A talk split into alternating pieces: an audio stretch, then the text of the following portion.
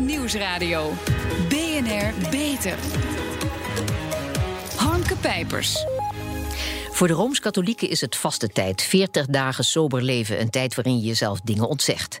Binnen veel religies wordt gevast. En tegenwoordig is het ook steeds meer een gewoonte onder mensen die niet religieus zijn. Welkom bij BNR Beter, het programma voor mensen die werken aan gezondheid. Mijn gasten Remco Verkijk, medisch bioloog en grondlegger van het sportvasten. En Emilie de Vet, hoogleraar consumptie en gezonde leefstijl aan de Wageningen University.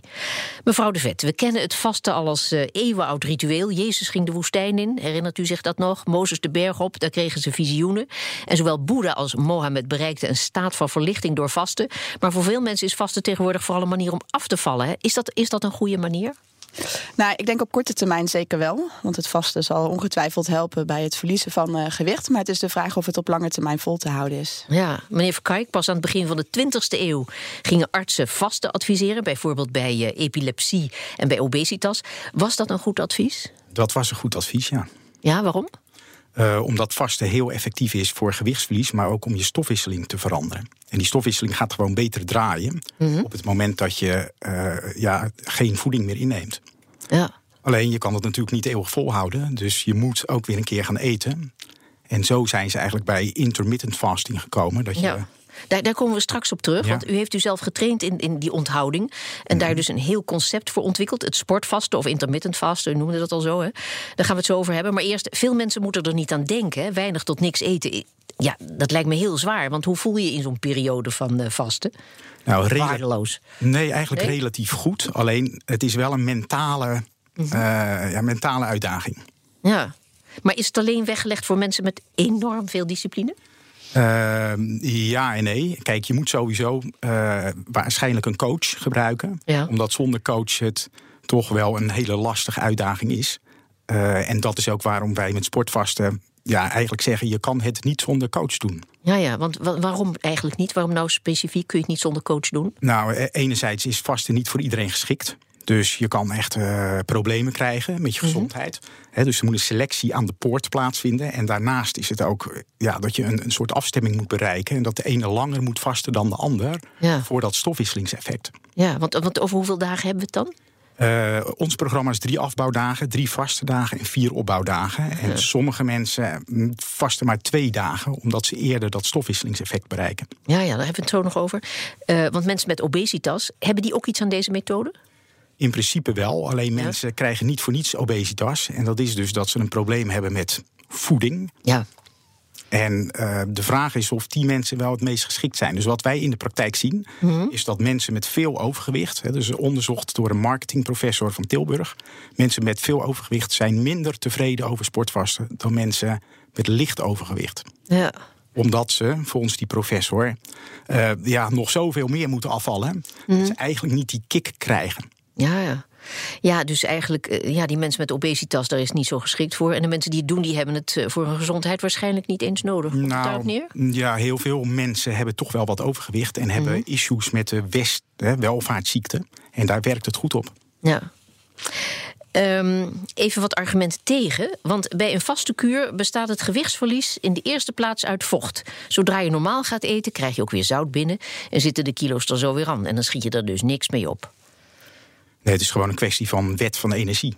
Dus op het moment dat jij uh, vast, dan krijg je 2000 kilocalorieën minder binnen dan je eigenlijk nodig hebt. Ja. En dat betekent dat je uh, ja, drie, vier ons op die ene vaste dag afvalt ja. in vet. En het is efficiënt om, om, zeg maar, dat heet dan de metabolische switch, om die te ja, bereiken? In principe uh, is dat het niveau dat je koolhydraten totaal uitgeput zijn. En dat je lichaam dus volledig op vetverbranding draait. Ja, ja. En, en na vetverbranding, wat volgt daarna? Uh, dan moet je weer op gaan bouwen met eten. Omdat ja. je eigenlijk, he, van, je zou kunnen zeggen vanuit de oertijd is elk dier, en mens is ook een dier, gericht op eten. En periodes overleven van niet eten. Ja. Maar je moet toch eens uitleggen, want ik heb altijd geleerd dat je oventje dat je moet je laten branden. Dus juist de verbranding goed op gang houden door goed en regelmatig te eten. En door te vasten leg je juist alles plat, hè? Ja, dat is een misverstand. Mm. Dus eigenlijk is het zo dat dat lichaam moet vol aan de bak om die verandering allemaal in die eerste dagen dat je vast allemaal door te voeren. Alleen ga je te lang vasten. En dat, de, de kritische grens is ongeveer vijf dagen. Ja. Dan zie je dat er een soort survival mechanisme op gang komt. En dan gaat gewoon je warmteproductie, je schildklierfunctie. Eh, En dan krijg je wel dat het kacheltje ja, eh, minder gaat branden. Ja, want, want als, je, als je lang vast, dan breek je op den duur niet alleen je vet, maar ook je spierweefsel af. En die spieren die heb je juist weer nodig voor een goede stofwisseling. En het leidt tot een daling van het bloedsuikergehalte. Dat is ook niet zonder problemen, toch? Eh, in principe, mensen die gezond zijn, hebben Ja. geen problemen met een aantal dagen vasten. En eh, wetenschappers zeggen van je breekt juist geen spiermassa af, maar dan moet je er wel bij sporten. En zo is ook het sportvasten ontstaan. Ja, ja, ja. Eigenlijk is het meer een training waarbij je niet eet. Ja. Eh, en ja, die suikerspiegel daalt. En dat is vooral link voor mensen met diabetes. Ja. Bijvoorbeeld diabetes 1 is, ja, die moeten eigenlijk niet vasten, want dan gaan ze dood. ja. Maar het is dus voor mensen zonder diabetes ook al een dubbele kwelling. Want eh, je moet en hongeren en je moet eh, flink trainen. Ja, maar je ziet dat het profiel mensen die voor sportvasten kiest, Ja? die kiest juist voor die uitdaging. Ja, En die hebben meer soort pijn is fijn. ja, ja dat, daar was ik al bang voor. Ja, die, die vinden dat heerlijk. Die vinden, ja, en, en je ziet natuurlijk heel veel resultaat op je, spier, op je sportieve eh, conditie Ja. en op dat gewichtsverlies. Dus eigenlijk is het de resultaten ook wat die mensen eh, blij maakt. Ja. Zeg maar eerlijk is eerlijk hoor, want er zijn ook heel veel voordelen, eh, ontdekken wetenschappers. Veel wetenschappelijke studies laten zien dat minder eten, niet vasten, maar consequent niet te veel eten, leidt tot een langer leven. En dan hebben we het dus niet eh, over calorierestrictie en over, over vast even. Hè. Al in de jaren 30 ontdekte voedingsdeskundige Clive McKay dat ratten met een streng dieet langer leefden en gezonder bleven, omdat allerlei verouderingsmechanismen werden vertraagd of zelfs stopten. Mevrouw de Vet, eh, we hebben het dus nu over ratten. Hoe werkt dat voor mensen? Maar het, het lastige aan een dieet is eh, eigenlijk ho- hoe is het vol te houden. En ehm, naarmate de aanpassingen eh, kleiner zijn en beter zijn in te passen in je dagelijkse leven, is het ook langer vol te houden. Ja. En dan gaat het inderdaad meer over gezond eten, gevarieerd eten en met mate eten dan een streng dieet volgen. Of eh, nou ja, nou, sterk beperken in het aantal calorieën wat je op een dag binnenkrijgt. Ja, maar als we het hebben over ehm, eh, op een gezonde manier, dus wat minder eten, hè? Ehm, ja, de verouderingsmechanismen die worden vertraagd. Ik bedoel, ik denk aan Alzheimer willen we, willen we allemaal niet. Eh, is dat een van de dingen waarvan het, je mag aannemen dat die daardoor worden afgeremd? Of is daar zelfs enig wetenschappelijk onderzoek wat die kant uitwijst? Ehm, nou, eerlijk gezegd durf ik dat niet te zeggen, want veroudering is niet eh, mijn eh, specifieke expertise. Ehm, uiteindelijk is het zo dat een gezond leefpatroon en een gezond eetpatroon op heel veel vlakken eh, voordelen geeft. Hè. Waarschijnlijk op het terrein van veroudering, van cognitieve eh, achteruitgaan, eh, maar ook hart- en vaatziekten, diabetes. Er zijn heel veel nou, positieve effecten van een gezond eetpatroon. En dan gaat het niet om eh, gezond gaan eten op het moment dat er eh, problemen zich voordoen. Of het moment dat, eh, hè, dat er al wat aan de hand is. Maar juist zo vroeg mogelijk beginnen met gezond eten. En dat begint dus vaak al gewoon in de jeugd een Ja. gezond eetpatroon aanleren. Ja, maar goed, afvallen kan op heel veel manieren. Hè. De big business ook tegenwoordig. En we hadden het er al even over de methode die veel mensen nu volgen. Het zogenaamde intermittent fasten. Hè, waarbij je bijvoorbeeld op een bepaalde dag helemaal niet eet. Of alleen tussen 12 en 5. Eh, je hebt sapvasten, onthouding van alle suiker of koolhydraten. Al die hypes die zijn er niet voor niets. Hè. Er is kennelijk wel heel veel behoefte aan. Hè? Ja, ik denk dat dat ook eh, vooral is wat het signaleert. Eh, er is een enorme behoefte aan ondersteuning bij gezond leven. Ik denk dat ook een enorme nou, deel van de samenleving probeert ook gezond te leven. Maar tegelijkertijd het feit dat er elke keer weer een nieuwe hype is en een nieuw dieet geeft ook wel aan dat ze vrij eh, nou ja, eh, een korte levensduur hebben. Ja. Als er elke keer weer een andere hype en een dieet in de bestsellerlijsten staan, geeft het vooral aan dat het vorige niet heeft gewerkt. Ja. Meneer Verkijk, bekende Nederlanders als eh, ik noem Guus Meeuwis, Gordon en Marco Borsato. Allemaal hebben ze sportvasten gedaan en daar zijn ze enthousiast over. Daar lezen we over in de damesbladen en in de gezondheidsmagazines. Maar schuilt daar nou niet het gevaar in, omdat het zo toegankelijk lijkt dat het op grote schaal wordt nagevolgd, klakkeloos? Mm, Ja, dat is wel een gevaar. Want Ja. dan heb je hè, Stel dat het eh, eh, in een boekje in de, gewoon in de boekhandel zou liggen. Mhm. Dan gaan dus mensen die geneesmiddelen gebruiken of die bepaalde ziekte hebben, gaan dat programma doen. En dat is niet, eh, ja, dat is niet zonder risico's. Nee. Ehm, en wat wij gewoon proberen is het programma zo succesvol mogelijk te laten zijn bij mensen. Ja. En daar komt weer die coach om de hoek kijken. Ja. Want je ziet gewoon dat eh, niet alleen met sportvasten, maar met heel veel programma's. eh, je iemand nodig hebt die jou, nou ja, in ieder geval de goede adviezen geeft wat je moet doen. Ja. Maar ook die stok achter de deur is. En uh, ja, of desnoods uh, bij die mensen elke dag een appje stuurt van hey, dat heb je nou gedaan wat ik gezegd heb? Ja, ja, ja, ja. ja. Maar ziet u dat al in de praktijk gebeuren? Dat heel veel mensen op eigen houtje Nee, want je bakzeil ziet, halen. Dat nee, want je ziet, hè, als, je, als, je, kijk, als je praat over een hype, dan is sportvaste juist ja, die kant niet opgegaan. Mm hè, dus we doen eigenlijk al tien jaar uh, ongeveer dezelfde hoeveelheid mensen per jaar. Uh, en het is een programma wat alleen maar toegankelijk is via een coach. En ik denk ook heel veel mensen zien er toch tegenop. Drie keer per dag moet je maaltijd eten en je ontbijt overslaan is ongezond. Zo hebben we het geleerd. Maar dat is juist wat je bij vasten, in welke vorm dan ook, niet doet. Is dat wel gezond? Daarover straks meer. BNR Nieuwsradio. BNR Beter. Ontbijt als een keizer, lunch als een koning en diner als een bedelaar. Dat heb ik altijd geleerd. Maar die oude wijsheden lijken achterhaald te zijn. En daarover praat ik verder met mijn gasten. Remco Verkijk, medisch bioloog en grondlegger van het sportvasten. En Emily de Vet, hoogleraar consumptie en gezond, gezonde leefstijl aan de Wageningen University. Ja, ontbijt als een keizer, lunch als een koning en diner als een bedelaar. Um, is dat nog van waarde heden ten dagen, meneer Verkijk? Uh, ja, het kan helpen. Het kan helpen. Ja, het kan helpen. Oh, het is een van de manieren. Ja. Oké, en uh, mevrouw de Vet? Nou, het hangt, dan ben ik misschien weer iets te genuanceerd hoor, maar het hangt er vanaf. Uh, er is eigenlijk lang gedacht dat als je inderdaad nog heel veel energie zou moeten verzetten, dat het dan goed is om juist een, bijvoorbeeld een warme maaltijd smiddags uh, te nemen. Ja. Maar eigenlijk is daar weinig uh, bewijs voor dat dat nou tot een betere energiebalans zou leiden. In totaal. Goed, koning, keizer, bedelaar, we laten ze even zitten. meneer Verkijk, veel artsen raden bij het vasten aan. Doe het rustig aan. Je kunt je slap gaan voelen. En bij uw methode, het sportvasten, zeg je juist: ga sporten. Maar als je nu juist slap bent omdat je weinig eet, dat lijkt me niet verstandig. Van, van waar dit advies?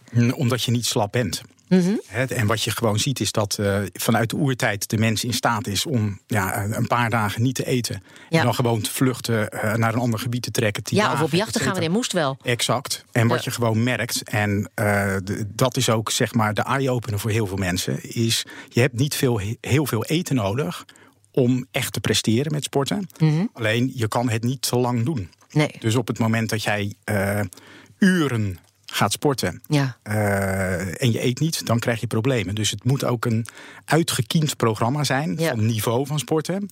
je hebt daar wel een soort supervisor, een coach of hoe ja, we het ook noemen, bij nodig. Om dan juist dat, dat nare moment, wat dan gevaarlijk is. Exact. Dus, de, hè, dus als je te lang vast en of sport, dan krijg je uh, uitputtings- en overtrainingsverschijnselen. Ja. Dus het pro pro uh, protocol is zo gemaakt dat die coach als het ware je hartslagzone bepaalt. Ja. En, en aangeeft, uh, je moet niet langer dan 20, 30 minuten sporten. Want anders dan kom je niet goed uit als het ware in ja, het doel. En dat is al die koolhydraten wegtrainen. Ja. En je stofwisseling veranderen en geen spiermassa afbreken. Ja. Lukt het de mensen na het vasten om de resultaten vast te houden? Of zitten de kilo's er niet binnen de kortste keren weer aan?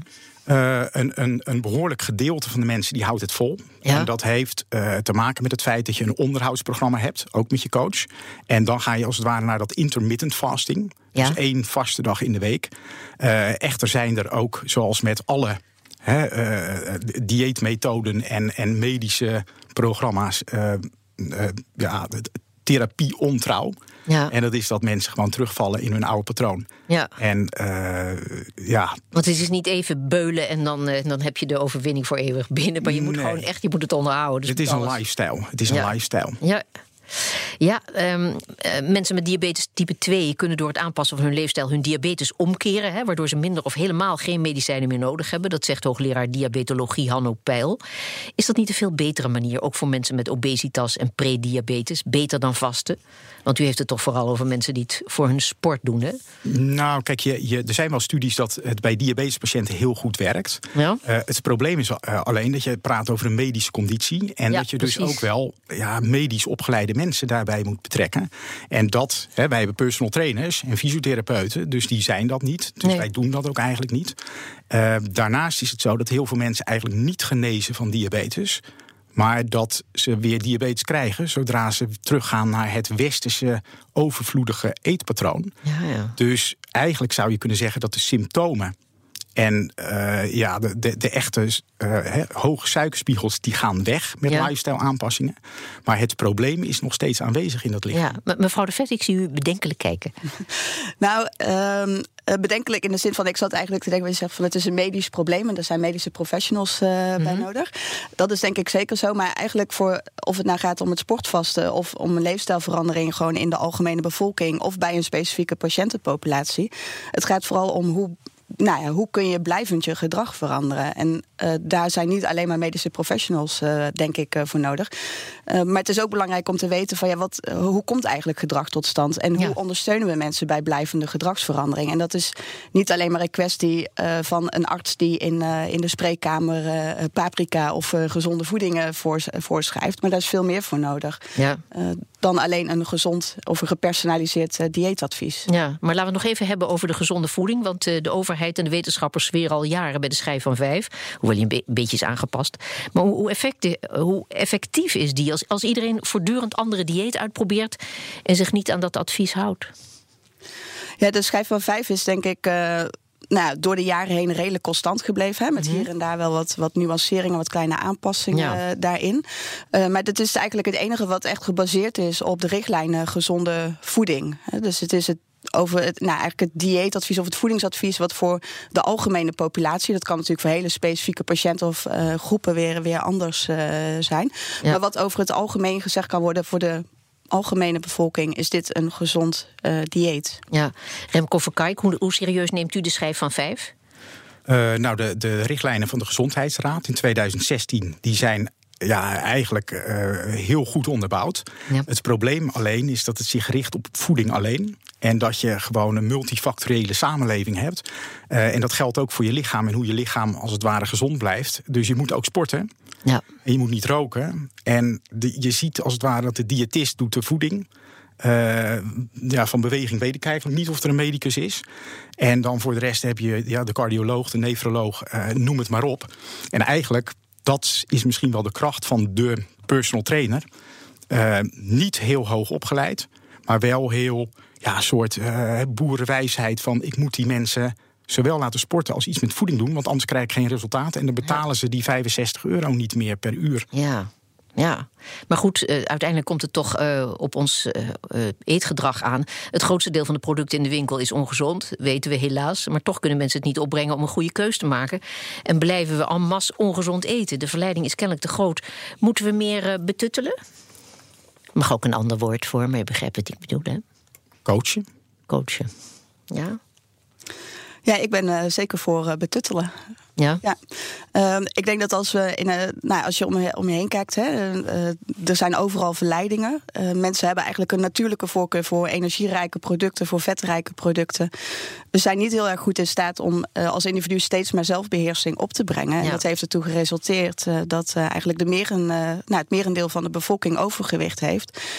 Um, dan is er meer nodig, denk ik, als overheid dan de verantwoordelijkheid bij het individu neer te leggen. Ja, daar moeten we eens vanaf, hè? want het, niet alleen het individu. Maar u bent nu met medewerking van de Erasmus Universiteit aan het kijken of diëten veel meer gepersonaliseerd kunnen worden, zodat het voor iedereen zo effectief mogelijk is. Wat, wat mag ik me daarbij voorstellen?